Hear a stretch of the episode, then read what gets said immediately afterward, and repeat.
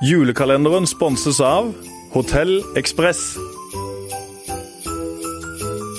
Velkommen til Fotballmødre pluss Rikas julekalender på lille julaften.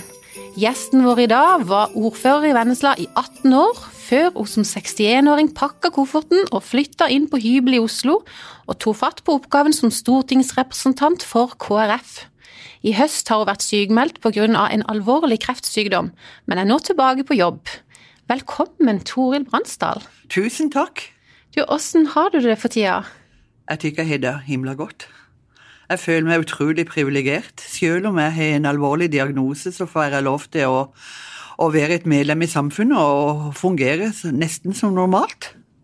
Men du er i full jobb igjen nå, for du var vel eh, litt ute tidligere her? Ja, jeg var helt ute. Jeg var, helt ute. Jeg var pasient. Jeg følte jeg var helt på utsida av samfunnet. Så da, ja, jeg er fullt tilbake på jobb. Og Du ser utrolig pigg ut, må jeg si. Ja, takk. Det er det mange som sier, og da tenker jeg åssen i all verden har jeg sett ut før? Men så da har jeg valgt, å, da har jeg valgt å, å ta det positivt og tenke ja, tusen takk, sier jeg da. Det gleder meg jo å høre at den ser pigg ut, og jeg føler meg pigg, men jeg vet jo at jeg er sjuk.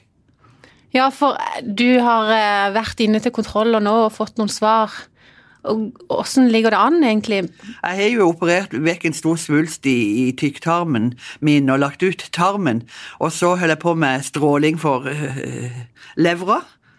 Så sa jeg stråling, og det var jo helt feil. Det er cellegift for levra, og til nå så ser det ut som at svulstene minker. Men diagnosen er alvorlig, og jeg vet jo aldri om jeg kan bli frisk. Nei. Og så har Jeg lest at uh, i et intervju med deg at du var litt sånn, du var ikke så veldig glad i sosiale sammenhenger fordi at eh, alle ville snakke om sykdommen. Så vi skal prøve å ikke snakke så altfor mye om det, men kan du si bitte grann om hvordan den sykdommen har endra deg på noe vis? Ja, den har endra meg. Jeg har gitt meg en mer, mer livsglede, vil jeg egentlig si. Fordi at en tar ikke alt som selvfølgelig. Og har gitt meg en trygghet òg på at eh, vi har dagen i dag om å gjøre det beste ut av det. Og jeg tror han har gjort meg litt mindre kranglevåren. Rett og slett.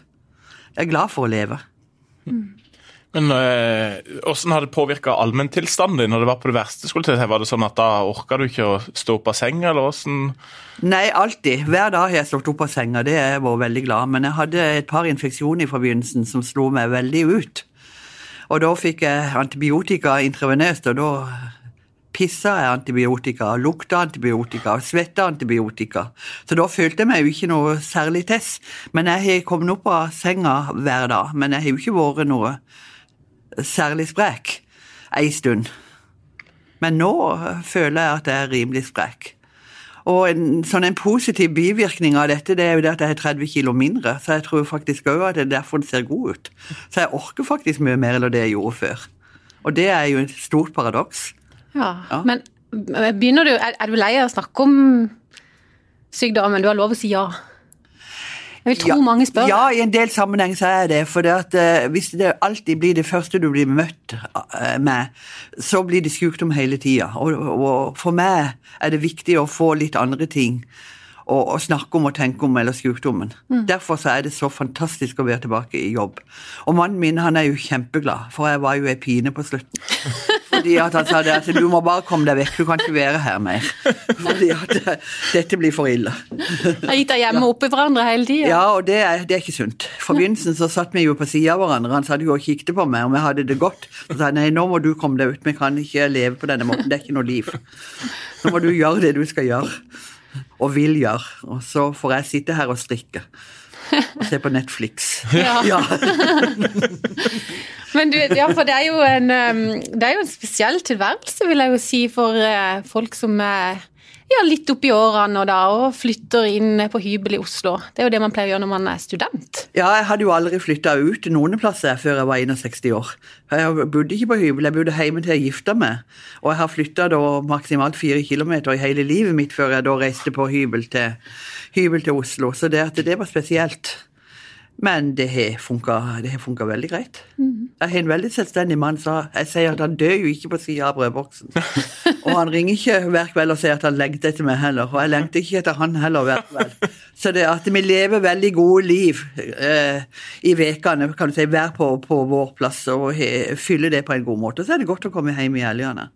For du, jeg hadde tenkt å spørre deg om at eh, Dere har jo 40 års ekteskap bak dere, så mannen klarte seg bra hjemme på Hegeland, men det høres ut som han har gjort da? Ja, det, det, han er en veldig tiltaksfør-type. Så matlaging og alt sånt, og det har han gjort helt eh, siden jeg begynte som ordfører. Så det at eh, Jeg har jo litt sånn populært sagt at det gjør ingenting om jeg stryker med, for han vil klare seg like godt. Jeg håper jo at han vil savne meg litt, da, men likevel. Det tror jeg nok. Ja, Han er veldig selvstendig, og det er veldig godt. Aldri klaging, aldri sutring, bare oppmuntring og ja. Jeg skulle til å spørre om det hadde blitt sånn eh, som statsministeren og mannen Sindre, at nå tar han alt ansvar hjemme mens du pendler og jobber på Stortinget. Er det noe likhetstrekk der? Ja, det er jo faktisk noe likhetstrekk på det arbeidsmessig, fordi at det er han det faller på. Og sånn har det jo vært oppe igjennom i alle disse her årene som jeg var ordfører, fordi at det er han som har tatt de store byrdene hjemme og følger opp unge og gjør alt dette. Jeg har jo levd et vanvittig egoistisk liv, og han har gitt meg full frihet til å gjøre det. Det er jeg veldig takknemlig for. Fordi at det var ikke noe selvfølge i den generasjonen. Jeg mener jo at det bør være en selvfølge for å si det, men det var ikke.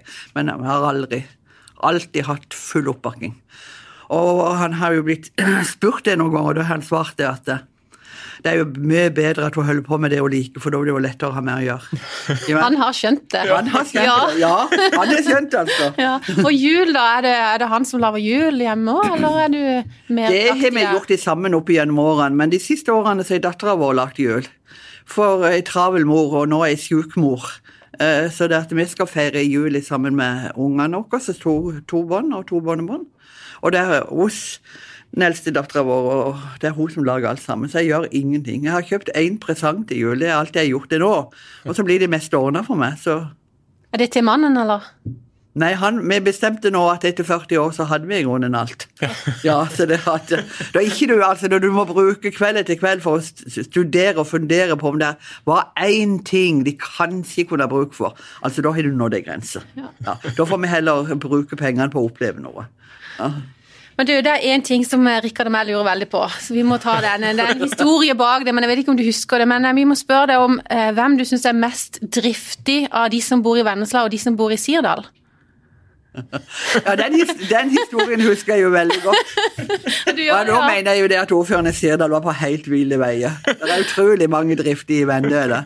Men vi må ikke glemme vekk at Vennesla har den historien her òg, med veldig trygghet for arbeidsplasser opp igjennom.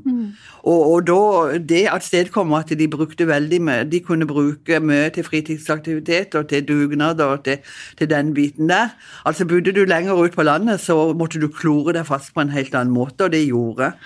Ser jo min far, da, som eh, ikke skulle arve gården.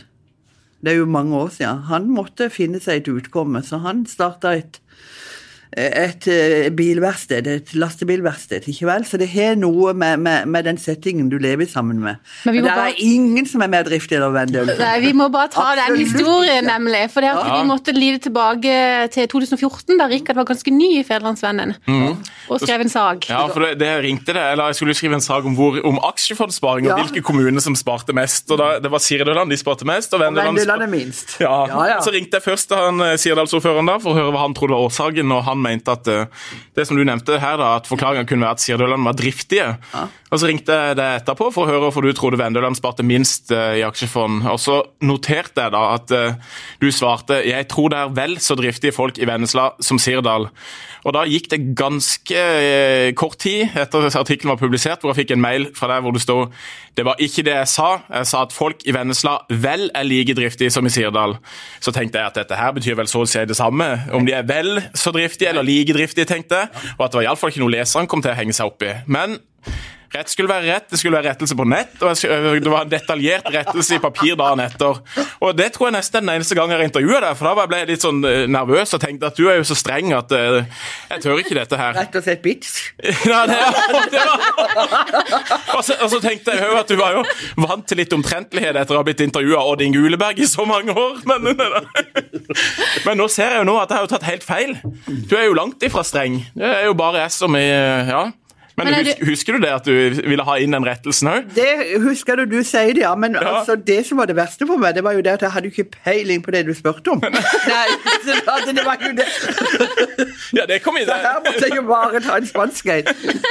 Ja, men da er du god politiker, for det kom ikke fram i svaret. For, for meg så hørtes det ut som dette kunne du veldig godt. Altså, du svarte veldig godt på det. Men, men er, du, er, du sånn, er, du, nøye på at det på en måte er det bevisst for når du omtaler andre? Da? For her skulle du ikke ha noe at du omtalte Vendøler som noe mer driftig enn noen andre? Liksom ja, det er, nøye, det er jeg veldig nøye på. Ikke for min egen part, så er det så nøye, men det er for jeg mener at det, når det gjelder faktaopplysning og det gjelder en del sånn, så skal rett være rett. Og så er det mye annet som ikke trenger å være så utrolig nøye. For det at jeg blir vel betrakta på å ikke være så veldig prippen og, og, og, kan du si nøye på det. Men fakta skal være riktig. Men er det ofte du må be journalistene rette, sånn som du måtte gjøre med Rikard?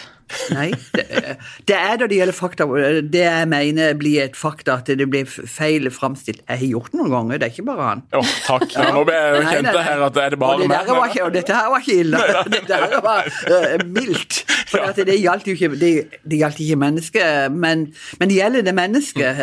Og jeg har hatt noen episoder med det. Da, mm. da er jeg streng. Altså, da da kommer villdyret fram. Ja.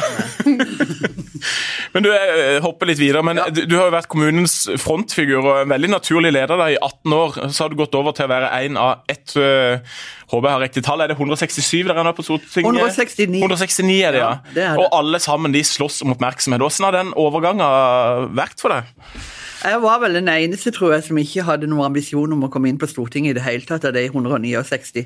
For jeg stilte meg på den plassen på lista for å kan du si, hjelpe til, og det gjorde jeg for fire år siden òg. Og jeg tenkte at det, det, blir aldri et utjevningsmandat. Så jeg hadde jo ikke det. Så jeg hadde ikke de ambisjonene. Og jeg, ja, jeg er veldig uh, ærgjerrig og ambisiøs på vegne av sakene til KrF, men for min egen part så betyr det absolutt ingenting. Altså, Jeg tror jeg nok er en av de som flest ganger sier nei til media. Og sier nei til For livet på Stortinget blir hele tida du skal komme på med et eller annet i media, og det er en sånn en for meg er det en litt sånn en spesiell tankegang. For jeg mener at skal du komme på på media, så skal du virkelig ha noe å preke om. Og jeg mener at mange ganger så, så er det ikke det. Det er bare å spinne og spinne og spinne og spinne, og det liker ikke noe særlig. Mm. Men når det ble litt sånn overraskende valgt inn da, på Stortinget, Vurderte du noen gang å si nei dette, nei, dette kan jeg ikke hive meg på? Da måtte jeg jo ha konstruert opp en fritaksgrunn, og lyge kan jeg ikke. Men jeg kan minst at jeg setter meg tilbake til stolen på kvelden og sa 'kjære Gud, hva skal jeg nå gjøre for noe'? Ikke vel? Men får bare ta det. Nei, jeg har alltid tatt de utfordringene jeg har fått. Og jeg har alltid fått de, det er jo det som er så fantastisk, men jeg har tatt de. Da jeg har fått spørsmål eller muligheten, så har jeg svart ja. Og det anbefaler alle å gjøre. Det er spennende. Men det å sitte i Oslo da, altså se Vennesla utenfra, som du har eh, engasjert deg så voldsomt i, får du lyst av og til til å engasjere deg eller komme med råd? Har du ringt uh, Nils Ola Larsen og sagt at sånn burde du ha gjort det, eller? Nei, det kan jeg med hånda på hjertet si at det har jeg ikke gjort, men Nils Ola har ringt meg. Ja. Og da kan det være at jeg har sagt hvordan jeg ville ha det da, men, men initiativet vil alltid komme derifra.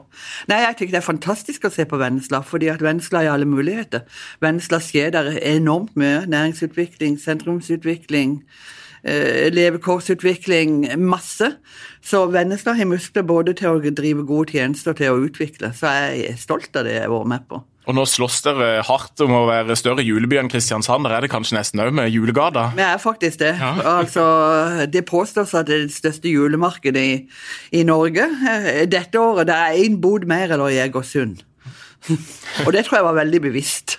Ja. Skulle vært ja, det skulle vært størst. Har du vært eh, en tur nærme julegata sjøl? Ja, i går da jeg kom hjem, da hadde jeg en tur gjennom julegata. Det er ganske, det er kjempeimponerende at de virkelig har fått til det. De har satsa, både næringsliv og kommune. Det syns jeg er bra. Så dette kommer til å bli gjentatt kanskje på andre siden enn jul òg, eller? Ja, i hvert fall jul. Og jeg tror at de da ser at det, det nytter å stå litt på og gjøre noe skikkelig. Hvor, lenge, hvor lang juleferie har du nå? Hvor lenge skal du være 14 hjemme? 14 dager skal jeg være hjemme. Og så er du tilbake på Stortinget? Ja, jeg håper det. Og uten Altså, du har jo den, din egen kamp, for å si det sånn. Men hvilke kamper er det som kommer for deg på Stortinget neste år? Jeg har jo ansvar både for integrering og innvandring og hele kommunalfeltet, så det, det er nok å gjøre. Det er vakte på å passe på at kommunene har gode, kommune og fylkeskommune har gode vilkår for å jobbe. Og så er det store utfordringer på, på innvandring og integreringsfeltet, og spesielt integreringsfeltet blir utrolig viktig. At de som da kommer til, til landet, skal integreres på en god måte. Og du personlig, privat, da, hvor langt framover planlegger du? Til kveld. Det er ikke lenger, nei. Nei, det er litt med Selvfølgelig så planlegger du litt annet, men, men jeg har nok fått en litt lærdom av sykdommen at en må leve i, i nuet. Men nå ser jeg jo fram til å være sammen i jula, kan du si, med familie, og, og ser fram til det. Og så har jeg nok lært at uh, en hver dag er nok med seg sjøl.